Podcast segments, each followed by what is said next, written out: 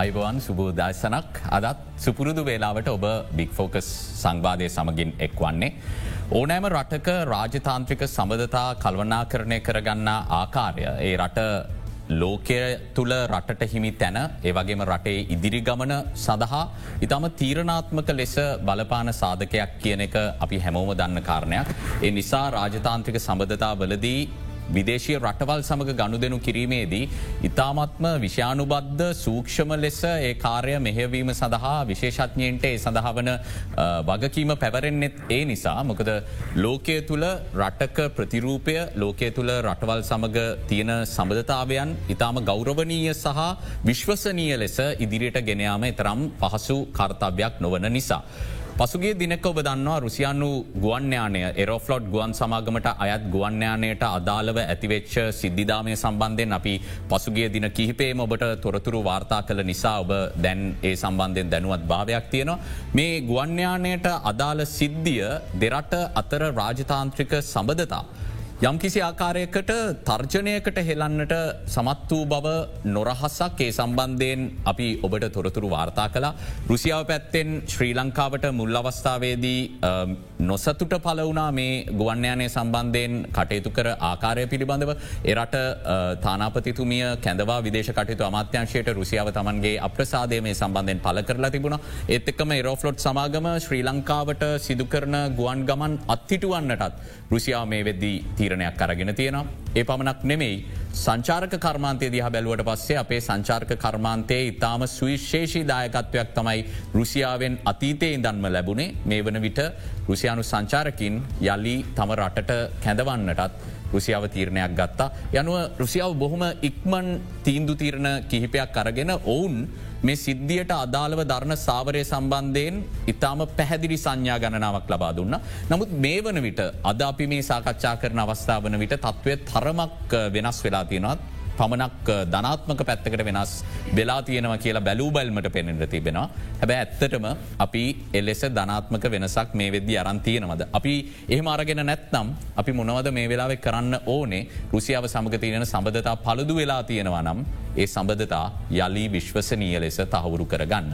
මේ සම්බන්ධය සාකච්ඡා කරන්න සුදුසුම දෙපලක් කදාපි අපේ සංවාදයට කැඳවාගන්න ම මුලින්ම පිළිගන්න කැමති රුසියානු ශ්‍රී ලංකා මිත්‍රත්ව සංගමය ලේකම් ඒ වගේම රුසියාවේ හිටපු ශ්‍රී ලංකා තානාපති වෛද්‍ය සමන් වීරසිංහ මහතාව අයිබවන් කෙලබතුම පිළිගන්න. ඒත් එක්කම මොස්කවුනුවර ශ්‍රී ලංකා ව්‍යාපාරික සහ විද්වත් වෘතික සංසදයේ සභාපති ආචාරය ජගත් චන්ද්‍රවංශ මහත්මයවත් අයිබවන් කියලා අයිරිගන්න. මුලින්ම හිටපු තානාපත්තුමා මම දැන් අපි අවසාන දින කිහිපේම මේ සම්බන්ධයෙන් ජනතාවට තොරතුරු කිව්වා මෙයාකාරය නිරෝ ෆ්ලොට් ගුවන්්‍යානයක් කෙනවා. නෛතික කාරණයක් හේතුකොටගෙන කොළඹ වානිජ මහධිකරණයෙන් තීන්දුවක් ලබා දෙනවා එගුවන්්‍යානයට ලංකාවෙන් පිටවීම වාරණය කරමින් එත් එකම රුසියාව ප්‍රතිචාර දක්වන්නට පටන් ගන්නවා.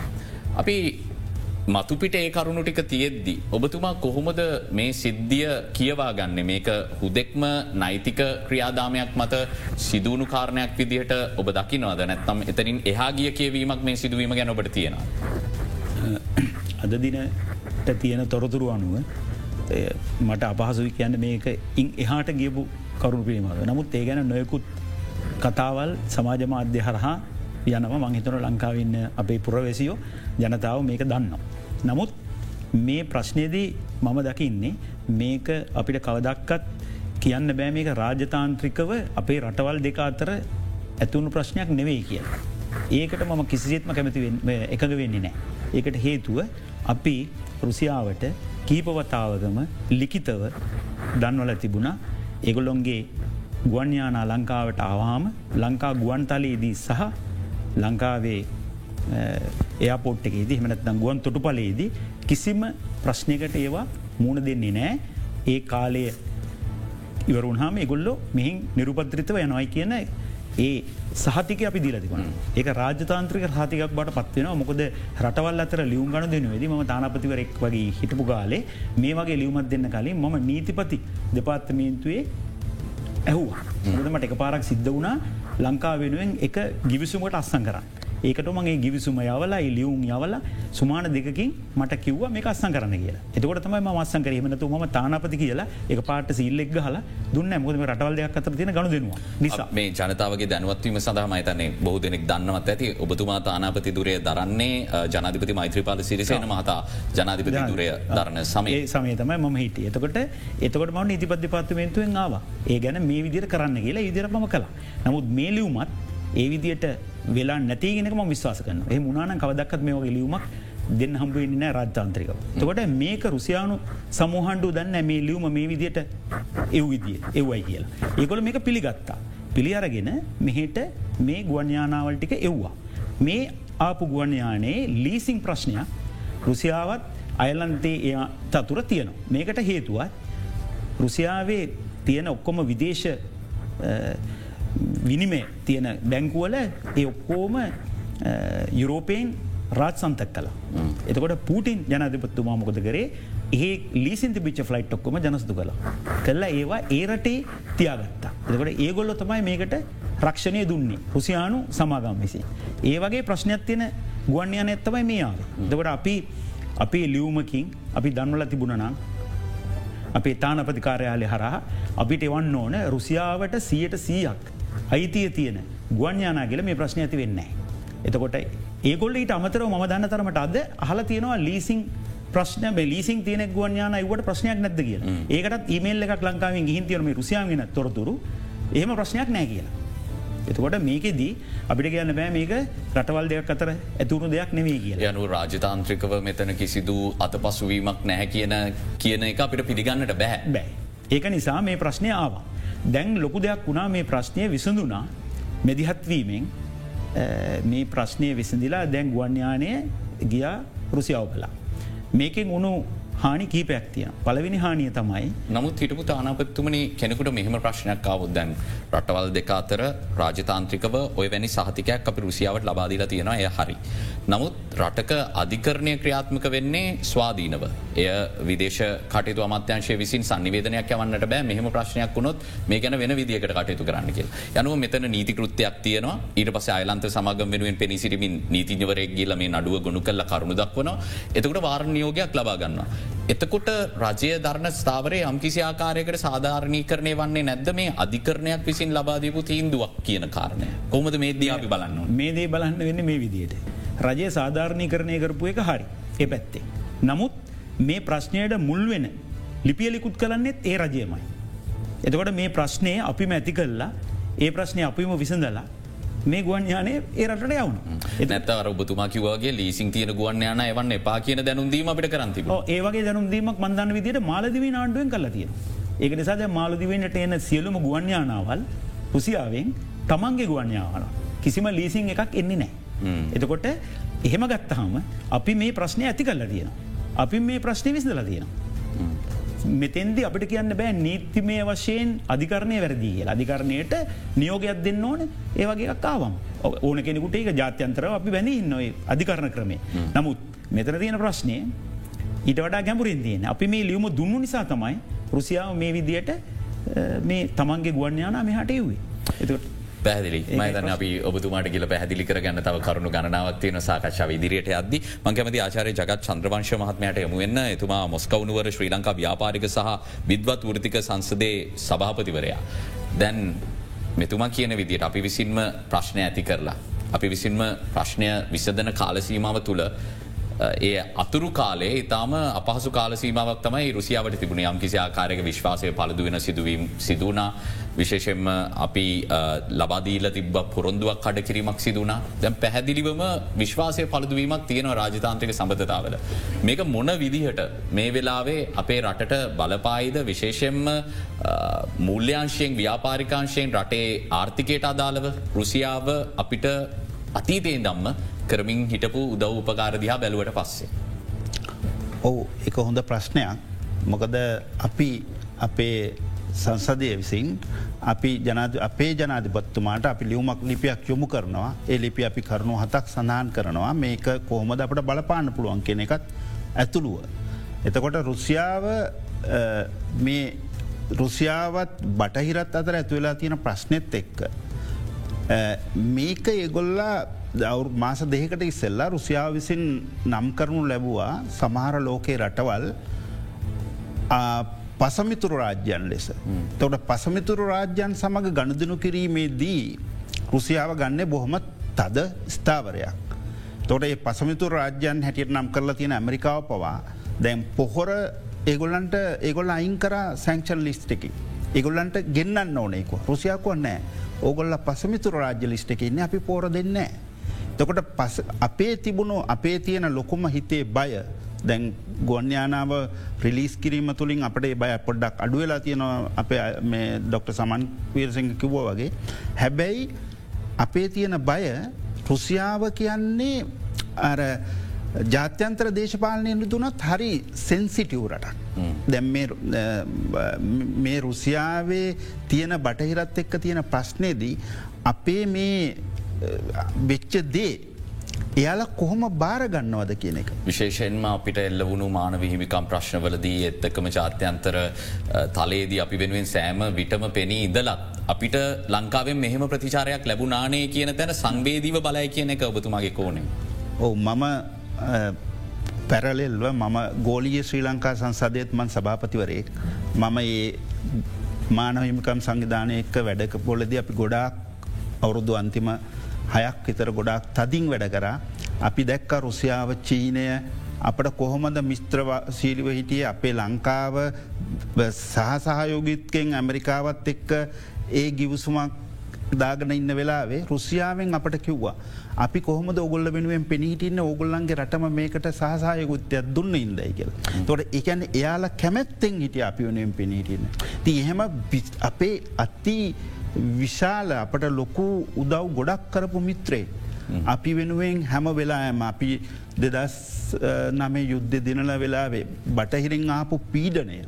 ඒ පීඩනයෙන් අපේ රට අසරණ වෙලා හිටිය අවස්ථාවේ. මගේ යම් කිසි සහභාගිත්‍යයක් තිබුණ එතනදිත් රුසියාව ලංකාවයට පුතානාපත්තුමා අපේ එට ඒවකට හිතපු ආරක්ෂක ලේකම්තුමා ගොට අභ්‍යරාජපක්ෂ හම්බෙලා ඒ සාකච්ඡායන් පස්සේ ඇවිල්ල මාධ්‍යවලටකුවා අපේ මිතුරෙක් ලංකාව අපි ලංකාව වෙනුවෙන් කොන්දේසි විරහිතව පිණිහිටනවත් ලෝකයේ වෙනස් රටවල් ලංකාවට බලපෑම් කරන්න මේ වෙලා වෙන්න එපා කියලා.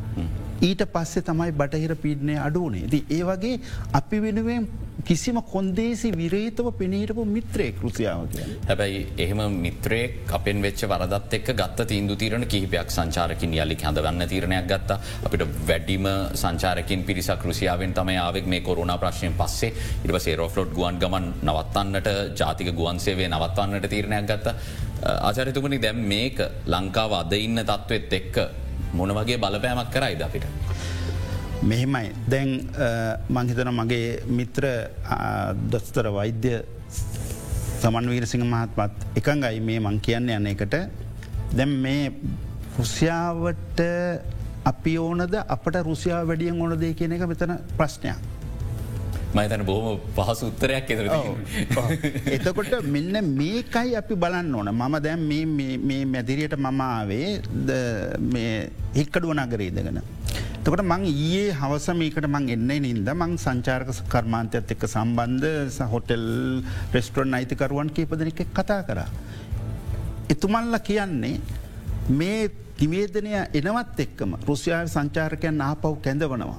මේ ඒරපලොට් සමාගමින් ආපව් එන්නෑ. ඒගොල්ලන්ගේ හෝටල්ලොල බොකින් කොම් එකේ වගේ රේට් ඒගොල්ල සියට හතලිකින් තර බැස්ස. ඒගොල්ල කියනවා අනේසර අප මේ මාසක තුළ තූරිස්ලාව නැත්තම් මේ ඔෆ්සීසන් තමයි හැබැ අපි කොහොමද මේම මේවා පවත්වාගෙන යන්නේ පඩිගෙවන්නේ කෝමන. දින දාහතරකට ඇවිල්ල හිටපු සංචාරකයෝ දින හතකින් යලි ගිහිලද යලි ගියා.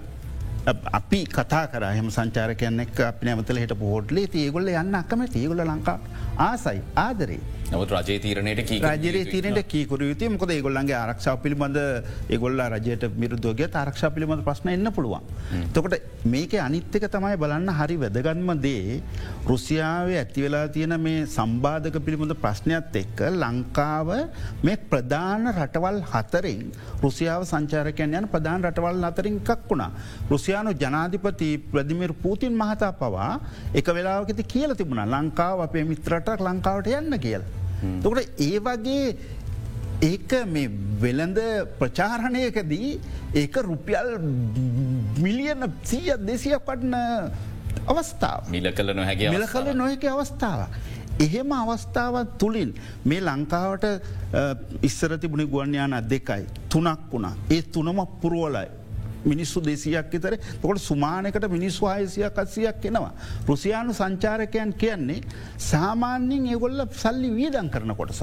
තකොට ඔබලා ගිහාම අපේ දකුණු පලාතේ තියෙන සමහර පොඩි පළතුරු ගන්න ගියත් රෙස්ටරන්ට ඒකට ගියත් එයාලා ස්වීනියස් ගන්න ගියත් තේ ගන්න ගත් එයාල වීදන් කරන. තොට එහෙම සංචාරකයන් රටට ඒම තුළින් අපේ රටේ ජනතාවට රස්සාවල් ආදායමක් ඒව හම්බෙනවා. හිටපු තානාපත්තුමනි දැන් බොහොම පැහැදිලි පුළුවන් තරන් ඉක්මට අපි මේ ඇතිවෙච්ච ප්‍රශ්නය නිරාකරණය කරගත යුතුයය පනවල තියෙන එරෝෆලොට් තහනම ඉවත් කරගත යුතුයි. අපේ පැත්තෙන් තම අපිට එක වැදගත්. රුසියාවට එතරම් ප්‍රශ්යන් නෙමේ ඒක. ඔවුන්ට තියෙන ප්‍රශ් දිහ බැලුවට පස්ස මේක මහිතන්නේ ගණන් ගන්නටත් බැරි ප්‍රශ්නයක්. අපි දැන් කොහොමද අපේ දූත සේවාව රජය මේ වෙලාවේ මේ ප්‍රශ්නය වහාම නිරාකරණය කරගන්න ක්‍රමෝපායිකව කටයුතු කරන්න? මොකද අපි දැක්කයේ ගුවන්තුරපල කළමනාකාරිත්වය ගුවන් යානයටම ගිහිල්ලා සමාවායදිනා වෙච්ච සිදුවීමට. එතනි neහාට ගිහිල්ලා රාජතාන්ත්‍රික මේ වශයෙන් අපි මොනවගේ සැලස්මකට දෙයන්න ඕන්න.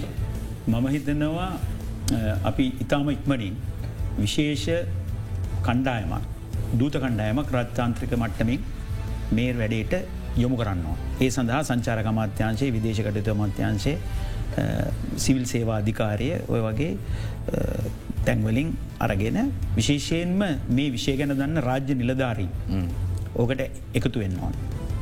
මේක මේ අර චාරිකාවක් වෙන්න හොඳ නෑ රුසියාවට ගිහිල්ලෙන්. තකොට ගිහිල්ලා එහේ විදිශකටයු අමාත්‍යන්සයත් එක්ක හමුවෙලා සංචාරක ව්‍යාපාරයේ ඒ ඇන සංචාරකටයුතු අමාත්‍යන්සේ ඒවයි හමුවෙන්න ඕන්. හමුවෙලා මේ වුණු ප්‍රශ්නය ගැන අපි නිලවශයෙන් අපේ කනගාටුව ප්‍රකාශ කරන්නවා. නැතුව අපේ ගුවන්්‍යානයට මල්ගෙන හිල්ලා ඒ හරියන්නේ නෑ. එතකොට අපි ඒක කරන්න ඕන රාජතාන්ත්‍රික මට්ටමේ. එතකොට අප එහින තානාපත්තුමිය මේකට සභාගිවෙයි එහි පැත්තෙන් ගිහිල් අපි කියන්න ඕන මේ ප්‍රශ්නය ඇමති ඊයේ රුසියාව නිලවශයෙන් විදේශකට අමාත්‍යංශ නිවේදනය කරලා තිබුණ. මේ තත්ත්වය ඉක්මනින්ම විසදුමක් දෙන්න රජය කටයුතු කරපු ආකාරය ගැන තමට ප්‍රසාධයක් තියන කියල මේ යම්කිසි ධනාත්මක දිවේද ඒක මම කියන එක සම්පූර්ණ මැත්ත. එක ඉතාමත්ම හොඳයි එහම ධනාත්මක ප්‍රචාරයක් ලැබුණ එක සාමාන්‍යයෙන් ප්‍රටකෝල්ල එක විදිකරගත්ත හමත් ඒක ඒ විදියට වෙනවා. එතකොට මේකේ තියෙන ප්‍රධානම ප්‍රශ්නය තමයි ලංකාවත්තක තියෙන විශ්වාසය හා සම්බන්ධ තියෙන ප්‍රශ්නය. මේක මම දකින්න වෙන ලොකු දෙයක් විශ්වාසය. තකොට කොයිතරම් දුරට අපි දෙන ගැරන්ටිය අපි දෙන වච්චනය ලිකිතව දෙනදී කොච්චර දුරට පිළිගන්න පුළුවන්ද කියන. ඒක නිසා අපි මේ ගිහාම අනිවාර්යම මේ යන දූත ගමනේදී අපි රුසියාව සමඟ එන්න ඕන අන්‍යෝන්‍ය සම්බධතායකට එමෝයුවකට ඇග්‍රිමෙන්ට් එකකට එමනැත්න මේ සියලු කරුණු ඇතුළත් කල්ලා. තුකට එහෙන් ගෙන සංචාරකයන්ට අපි සලකන විදිිය. ඒ ආරක්ෂාව ඒ ගුවන්්‍යානාවට දෙන ආරක්ෂාව. ඒ හා සම්බන්ධ සියලුමදේ මේක සඳහන් වෙන්නවා. එහෙම උනාම රුසියාවට තියෙනවා විශ්වාසය අම්මාකාරක නැවත් ප්‍රමාණයක් ඇතිවෙන. අර කැඩුණු විශ්වාසය. ඊට පස්සෙ මම හිතනවා තව මාස තුනකින් වගේ කාලයකින් සීතිෘතුව පටන් ගන්නකොට ගැන ඔක්තෝබර් වගේ වෙනකොට නැවත ඒර්ෆලොඩ් ගුවන් සේවය මෙහෙට නැවත ආරම කරකලක උදහනක් වශය ම රුසියානු තානපත්තුමත් කතා කරන්නට එතුමාට පෞද්ගලිකම කිව්වා ඒරෆලොඩ් ගුවන් සේවය කැමැත්තිං ඉන්නවයි කියලා ගුවන් සේවේ මෙහෙට එන්න. එතකොට ප්‍රශ්නය ඒරෆලොඩ් ගුවන්සේ සියට සියක අයිතිය රුසියානු සමහන්ඩු එක ජාතික ගුවන් සේවේ. එතකොට ඒක තීරණයක් ඒගොල්ලට ඕන විදිර ෆයිට්යවන්න බෑ. ඒකට තීරණ එන්න ඕන. අනිවාර්යෙන්ම අමාත්‍යන්ස දෙකතුනක එනවතන විදේශකටතු අමාත්‍යන්සේ සංචාර කටයුතු පිළිබඳ. එතකොට මේ විදිට ගිහිල් අපි හරියට මේක ඒගොල්ලොන්ට කිව්වතින් මේ කරුණු මේකට මූලික වුණු කරුණු අපේ වුණු අත්වැරැද්දක් විදියට පෙන්නලා. අපි එකට කනගාටුවත් ප්‍රකාශ කරලා හේට ගියානම් එතකොට දන්න මේගොල්ල දැන් ෆ්ලයිට් එකත්තෙව්වා අපි හම්බෙන්න්නත්තාව එතකොට මම හිතනවා ඊට අමතරව අපිට පුළුවන්කම තියෙනවා රුසියාව හා සම්බන්ධව තියෙනවා දැන් අපේ මේ සංවිධානවල රුසියානු ජාතිකොයි. දැන් උදානක වශයෙන් වැලන්තියන ලදිමරුණයක ඇත්ම වැලන්තියන තෙරස්කෝව. අපේ රුසියානු ශ්‍රී ලංකා මිත්‍රස් සංගමේ එහෙ අති ප්‍රබල කෙනෙක්. එතකට එයා ජනාධිපති පුටින් සමඟ නිතරම හමුවෙන කෙනෙක්. ඒවගේ අය හරහත් අපිට ඉල්ලන්න පුළුව රට වෙනුවෙන් මේක කරන්නගේ අපිට පුළුවන් මෙහින් දැම් මේ ආචාරය ජගත් චන්ද්‍රවංශ මහත්මයක් වගේ ඒ ඉන්න ශ්‍රී ලාංකිකයෝ ඒ හිල්ලියුමක් ඒදිට ගොඩාත් දෙවලට පුළුවන් විදිශකට මත්‍යසින් ඉල්ලන්න. අපේ තියෙන රටේ තියෙන තත්වයානුව මේ සංචාරයවන්ගේ දස් ගානක් යපුන එකත් ම මේක පෞද්ගලික මොදන්නවා මම තානපති වෙලා ඉන්නකොට කුරුමිනෙක්කා සම්බඳ ප්‍රශ්නයක්කාව ඇවිල්ලා තේගෙනක නැමැත්තු. දවස් හතරකින් ඒ ප්‍රශ්නය විසඳුන. එතින්දි මම විදේශකටයුතු ඇමතිට ටොස් තහනමත් එකට ඒ ආවේ. ඇතුකට මම විදේශකටයුතු ඇමතිට එහෙඉන්න ලැවරෝ මහත්මයට. මම ඒ වෙලා පෞද්ගලිකවම හම් වෙලා කිව්වා එම එතුමාට සිංහලත් කතා කරන පුල පෙරදිනය විශ්විද්‍යා ලිගෙනගෙන තියෙන පලවෙනි පත්වීමත් ලංඟයි මං ඒවත් එයට කිව්වා මොකද මේවා හරිම සංවීදී. මංක අපේ රටේ මිලියන ගානක් මිනිසු යැපෙන්න්න මේ තේදල්ලෙක් මේක නැතිවනෝතින් අපේ රටේ ඉබේම විප්ලවයක් වන්න පුලන් තවසුමානයකි කියලා එයා ඒ අවස්ථා විදුදව කළ හැමෝම කළ දවස් හතරයි. පැය හැත්ත දෙකෙන් ඒ ප්‍රශ්න විසුන සැසුරයි දත්තකගත්තු පැ හතලිස්සටයි.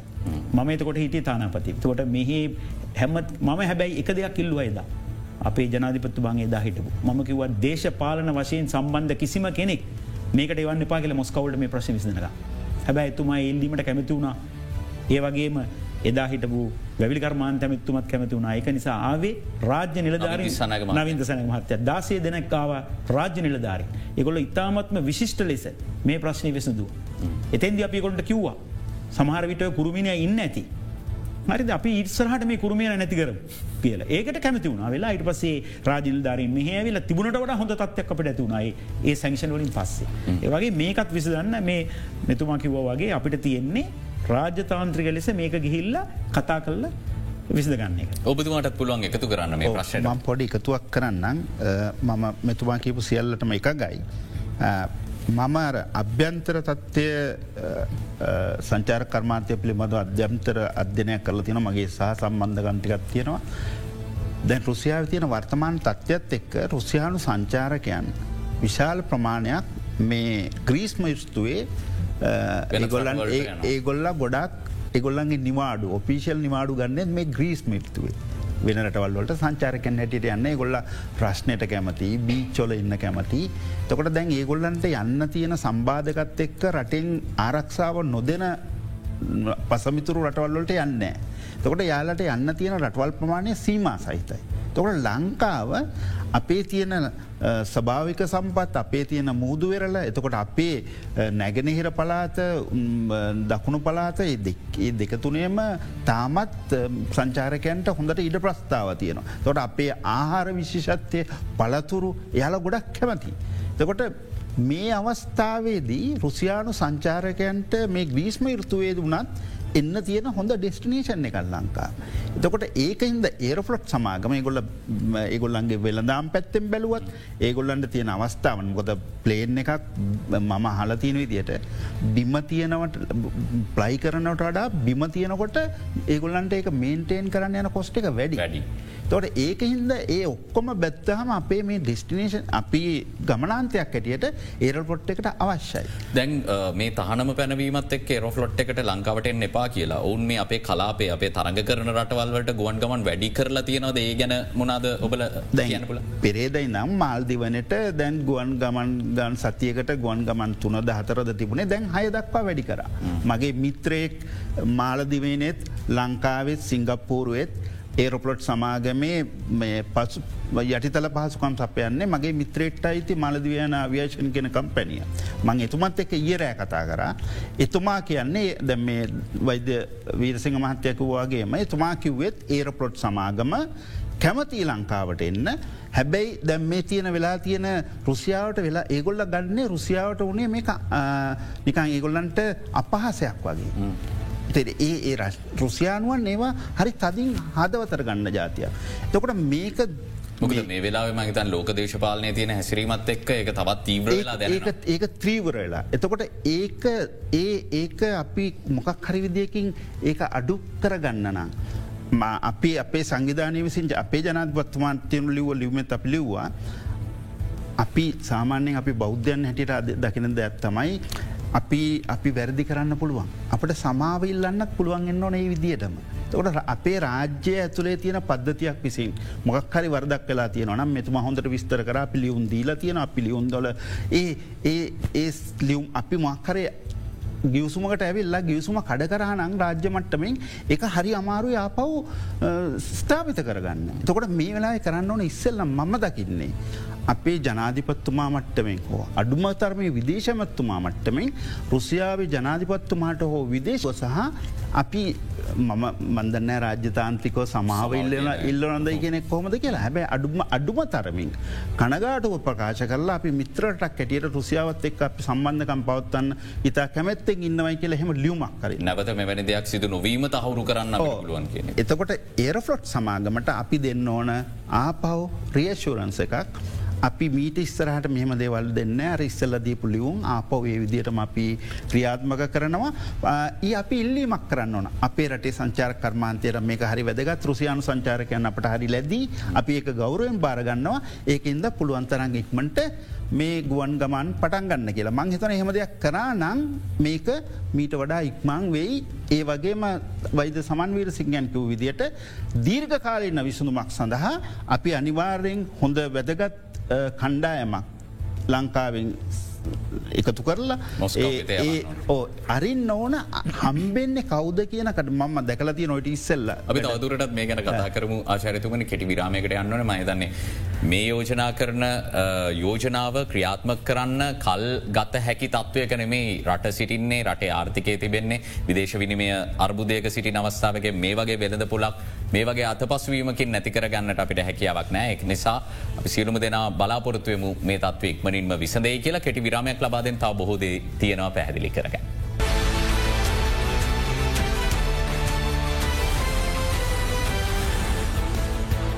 අපිට ඉතාම වැදගත්වන රුසියානු ශ්‍රී ලංකා සබඳතා ගැන අපි සාකච්ඡා කරමින් සිටින්නේ පසුගේ දින කිහිපේ ඇතිවෙච්ච තත්ත්වත් එක් අපි කොහොමදේ නැතිවුණු විශ්වාසය යළිත් තහවුරු කරගන්නේ කියන කාරණය. හිටපු තානාපත්තුමනී දැන් මේ වෙලාවේ රුසියාව යුක්‍රේණය තුළ සිදුකරන යුද මෙහෙයුම් එක්ක ජාත්‍යන්තර දේශපාලනය අලුත් තත්ත්වයක් නිර්මාණය වෙලා තියෙන්නේ.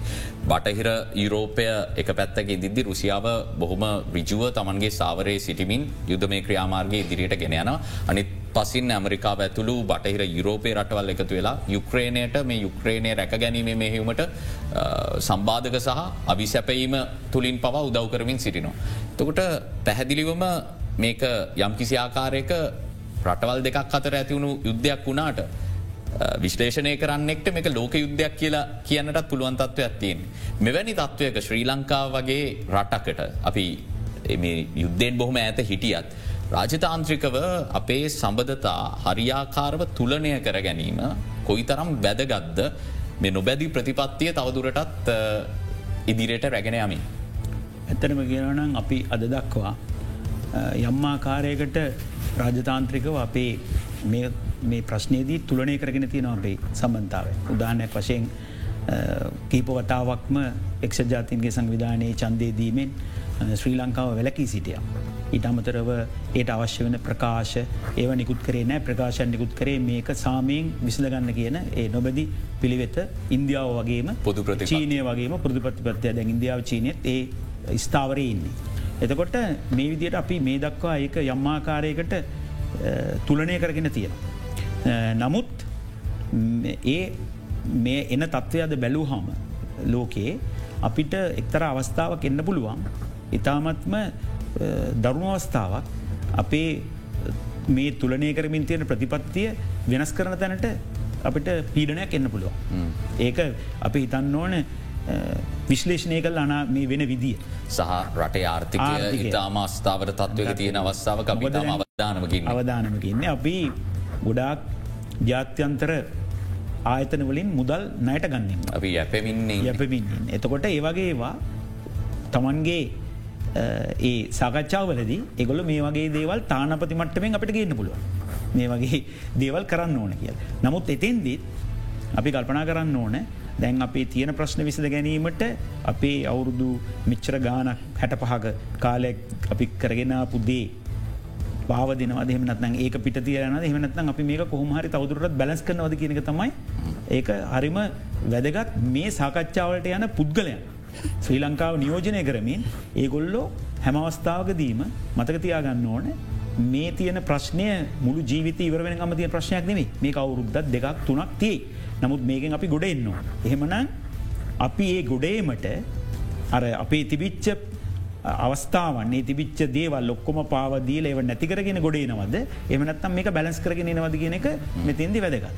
මෙතෙන්දී අපිට සමහර රටවල් වලින් ජාත්‍යන්තර තලේ උදව් ලබාගන්න පුළුවන් ඒ වගේ දෙයක් සමනය කරගන්න. උදාරණයක් වශයෙන් ඉන්දියාව. ඉන්දියාව දැනට ඉන්දියාවට කිව්වා තෙල් ගැනීම හා සම්බන්ධ නොයකුත්තාව. හොඳම කතාව දැන් සුමානකට ඉස්සර ඉන්දයා විදේශකට තැමැත්තුමාගේ ප්‍රශ්නයක් ඇහු හම එක ඉන්ටවිය එකකෙදී එයා කිව්වා යුරෝපය ප්‍රශ්න යුරෝපී. ඉන්දයාව ප්‍රශ්න යුරෝපී. ඉන්දයා ප්‍රශ්න යුරෝප ප්‍රශ්නත් නෙවේ යුරෝප ප්‍රශ්න ඉන්දාව ප්‍රශ්නත් නෙවේ පුදුම උත්තරයක් දුන් ඉන්දියාව ප්‍රශ්න ඉන්දියාව. ඉන්දයා ඒක නිසා අපි තෙල් ගන්න අපිට ඕන අපේ ආර්ථිකය නය කරගන්න. අපිට රුසියාව දෙනවා. ලොකු ගාන අඩු කරලතේ ඒක නිසා අපික ගන්න ඒ ගැන් මේක සම්බන්ධ වෙන්න මේ යුද්ධේ මේ තෙලු මේ අතර සම්බන්ධයන්න මේක ට්‍රේඩ් කියන එක පැහැදිලිවම කිව්වා. හැබ අපිට එහෙම කියන්න අපට කියන්න බෑ. මොකද ඉන්දියාව ඒ වගේ රටක්. නමුත් අපිට පුළුවන් මේ වගේ තත්ත්වයකදී අපිට බොහෝ වෙලාවට අපි ඉතින්ද සූක්ෂ්ම විදියට තමන්ගේ සාකච්ඡාවල් වෙන්න කලින් කොලේට මේක එන්න කලින්. දැම මේ දුන්න කොලේ වගේ වුණොතින් ඉවරයි. අපි ඒ සාකච්ඡාවලදි කියන්න ඕන මේවා ආර්ථික වශයෙන් හැමවෙලේම දේශපාලනික කරුණුවලට ඇජෙන්ඩ හැකට ඒක කවදක්කත් සම්බන්ධ කරන්න නරකයි. ඒක අනිවාර්යම අපි හොඳර මතකතියාගන්න ඕන ජාත්‍යන්තර ගිවිසුම් කෙටිකාලීන ලාභයක් වෙනුවෙන් වෙනුවෙන් අපිට ශී නොවී කටයුතු කටයුතු කරන්නේ කියන එක. දැන් අපේ රටේ ඉතිහාසය ගත්ත හම අපිට ගොඩා සෝවිට් දේශය රුසියාව දැන් අද අපි මේ වගේ මේ ඇවිල්ල කතා කරන ම වෛද්‍යවරයෙක් වුණේ රුසියාව නිසා. මට හම්බුණේ විශ්වවිද්‍යාලයකට ආණ්ඩුවේ රජයෙන් හම්බුච්ච ශිෂ්‍යත්වයක්. මෙතුමත් එහෙම එතකොට ඒවා කොච්චරම හදල තියනද පන්දාහකට වඩා වැඩි ප්‍රමාණයක් අදන්න නොමරට තොට කොච්චර ලොකු වැඩක් කරනවදේ? වගේ අපි කල්පන කරන්නනේ අපිට ලැබිච්ච දේ කාලීද ලම දැන් තියෙන ප්‍රශ්න මේකෙදී ඉතාමත්ම අපි ඉතාමත්ම සූක්ෂම වෙන්න ඕන මේ ප්‍රශ්නි විස පැහැදිලි ම හිත. ආචාරය චන්ද්‍රවංශ මහත්මයා දැන් මේ වෙලා අපි ජාත්‍යන්තර සබඳතා ගැන කතා කරද්දී සමහරදේවල් රිජුවම කතා කරන්නට හැකියාවක් නෑ. නමුත් දැන් මේ සිද්ධිධාමය පිටුපස යම් කිසි ආකාරයක කුමන්ත්‍රණකාරී යමක් සිදු වෙලා තියෙනවාද කියන කාරණය සම්බන්ධයෙන් සැකයක් මේ වෙද්දි නිර්මාණය වෙලා තියෙනවා අභ්‍යන්තරය තුළ වගේම ගෝලියවත් මේ සැකේ තියෙනවා කියන එක අපි දකිනවා. තොට සමහරු මේ වෙලාවේ කියන අභ්‍යන්තර පරීක්ෂණයක් කරන්න මේ සිදුවීම ගැන. මේ සිදුවීමට පද නම්බෙච්ච වගේම සිදුවීම තුළ දිගැහරුණු ඇතැම් දේවල් සැක සහිතයි. ඒ නිසා මේක ගැන අපරාධ පරීක්ෂණ දෙපාර්ත්මේන්තුව හරහා විශේෂ පරීක්ෂණයක් කරන්න මේකට යම් කිසි මැදිහත්වීමක් වෙලා තියෙනවද හිතාමතාම මේ විශ්වාසය පලදු කරන්න කියලා. ඔබ කොහොමද මේ ඉල්ලීම දකින්නේ මේක කොහොමද බොහොම පරිස්සමෙන් අපි කරන්න ඕනේ මේක මට අහන්න හිතු නවේ. ඕ ද අපේ සංවිධානය වෙනුවෙන් මම අස්සං කරේ අපි අපේ ලියුමෙත් ඔය වගන්තිය තියෙනවා. අපිත් ගැන මහිතනව දක්වූ ලියවුන්වලින් අපේ සංවිධානයෙන් අපිත් තදින් එක ඉල්ලවා මොකද අපි විදේශගතව ජීවත්තනින්ද. ඒ විදේශ රටවල්ලොලේන අපේ වෙළඳ සම්බන්ධකංවලට අපි කරන වැඩවලට අපට එකින් ලොක් බලපෑම් වෙන්න පුළුව. එතකොට එහෙම අපි පරීක්ෂණයක් කරලා අපට ඒක පැහැදිලි කරන්න පුළුවන්න. මෙහෙම දෙයක් නෑ කියලමං හිතනයක ගොඩක් හොඳ වෙයි.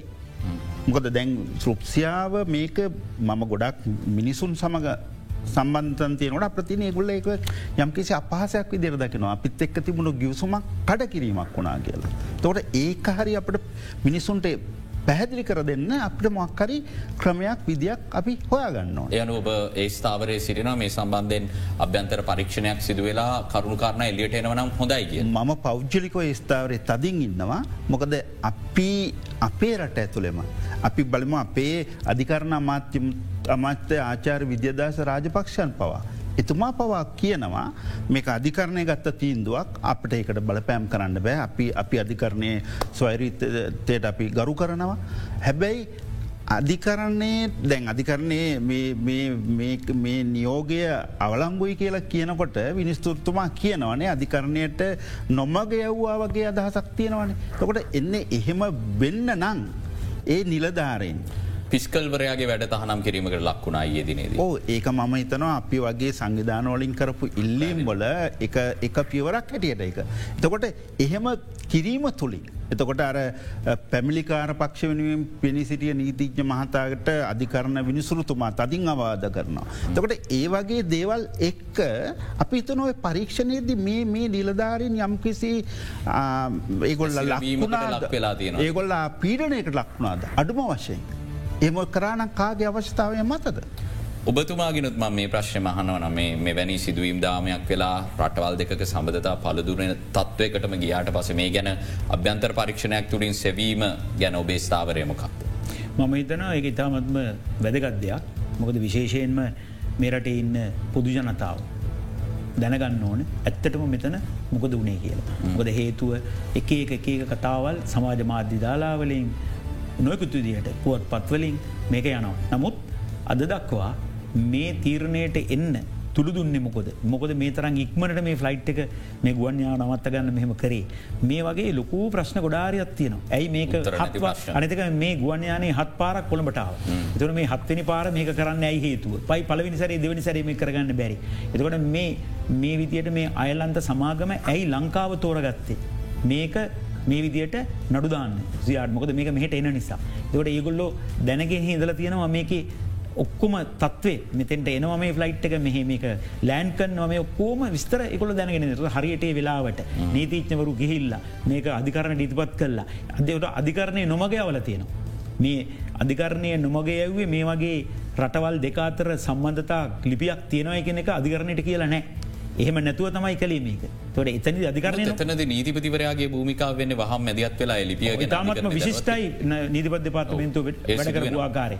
එතෙන්දේ නියෝජ්‍ය සොලිස්ට ජනල්වරයා තමන්ගේ කතාවිදි විවෘතු උත්සාාවී හමුවේ කිව්වා මේ රටවල් දෙකාතර තියෙන ගිවිසුමකට කිසිම අවස්ථාවක මහාධිකරණයට කොළඹ වානජ මහාධිකරනට ඒකට මේ වන්න බෑ කියලා ඉන්වල් වන්න බෑ කියලම අවස්ථාවක් නෑ කියලා. ඒක අධිකරනතුමා කිව්ව. කිසිම අවස්ථාවක ම මෙහෙම කල්ල නෑ. දුන්න නෑ නියෝගය ඒ සම්බන්ධයෙන් කරුණු දැක්වීමක් වුණේ උනේ නෑ ඇත ඒකට හේතුව අර පැමිණිල්ල දාපු සමාගම සහිත ඒ පැත්තෙන් ඒ පාර්ශවයෙන් කිසිදු ආකාරයක මේ වගේ දැනුන්දීමක් කල තිබුන්න එතනින් අදස් වසන් කල එතොන මේක ඉක්මං දොන මේ ඔක්කොම එකට එකතු කරල වාර්තාවක් හදල රුසියාවට මේක රුසියානු භාෂාවෙන් විදේශකට මතය දුන්නොත් එමිනිසු දැනගන මේ ඇත්තටම මේක තිබල තියනකල යම්මාකාරයකු මන්ත්‍රකාරී තත්වයක්. පැහදිලිවම අපිට කෙටි විරාමයකට යොමුවීමට අවශ්‍යයික්මනින්ම යළිත් හමුණ.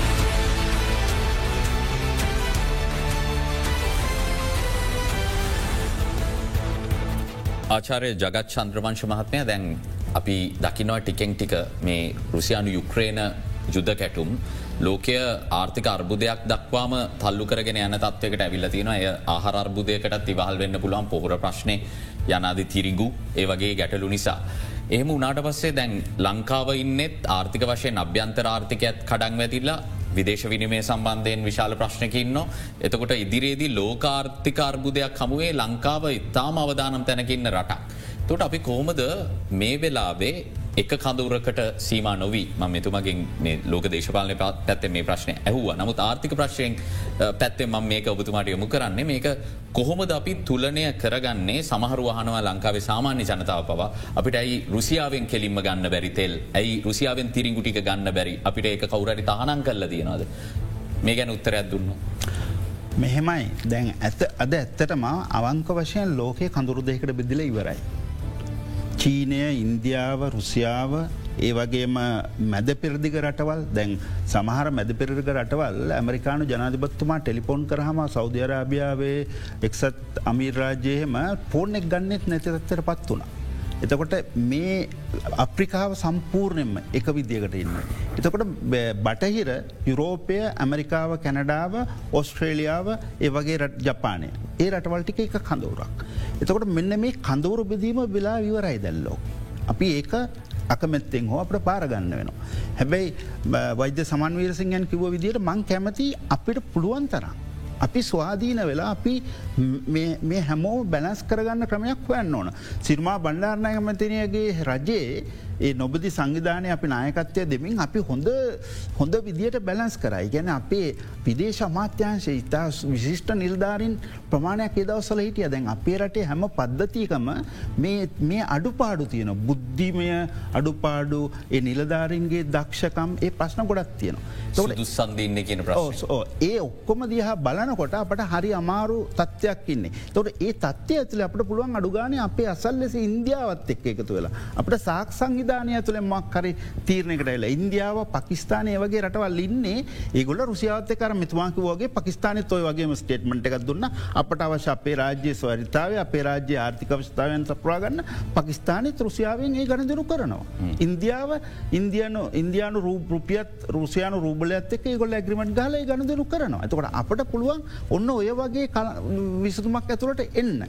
තකොට බටහිර ලෝකයක් තරහ කරගන්න නැතුව. නැතුව. දැම් බලන්න රුසියාව කියන්නේ ලෝකයේ අද තියන ඔක්කොම ගත්තොත් ඉන්දන විදුලිය ඒ ඔක්කොම ගත්තාම ලෝක ඉන්න ප්‍රබල ගෑස් ඒ ලෝක තියෙන ප්‍රබ්ලම රාජ්‍ය ඉන්දනවා ඒ ගැන්නේ ඒ ඔක්කොම එකතු කරහම එතකොට රුසියාව උක්‍රයිණය ගත්තාම ලෝක තුනෙන් එකක් ඉරංගු තිරුංගුවේ දාන්න නිෂ්පාදනය කරන්නට. තොට රුසියාව බෙලරුසියාව ගත්තාම ලෝක සියට විසිපාකට වඩා පෝර නිෂ්පාදනය. තොට පෝර යුරයා සංගටකේ තියන පෝර නිෂ්පාදනය කිරීමේ ප්‍රධාන දෙයක් තමයි නැචරල් ගෑස්. තොර නැචරල් ගෑස් නැතිවුණ හම හැම රටම එක්කොයි ප්‍රයිස් ගහම ඒවයි ඔක්කොම පෝරෝල මිලයනවා දැන් අපේ රටේ පෝරෝල මිලට ප්‍රධාන හේතුව ජාත්‍යන්තර වෙද පොල ඔය ප්‍රශ්නය. ඔතවට අපට ඒක විස්තගන්න නම් අපට රුසියාව එක්කර ඉන්දියාවගේ එමනැත ඉන්දියාව හරහරි අප්‍රමාහරි ඇග්‍රිමටයකට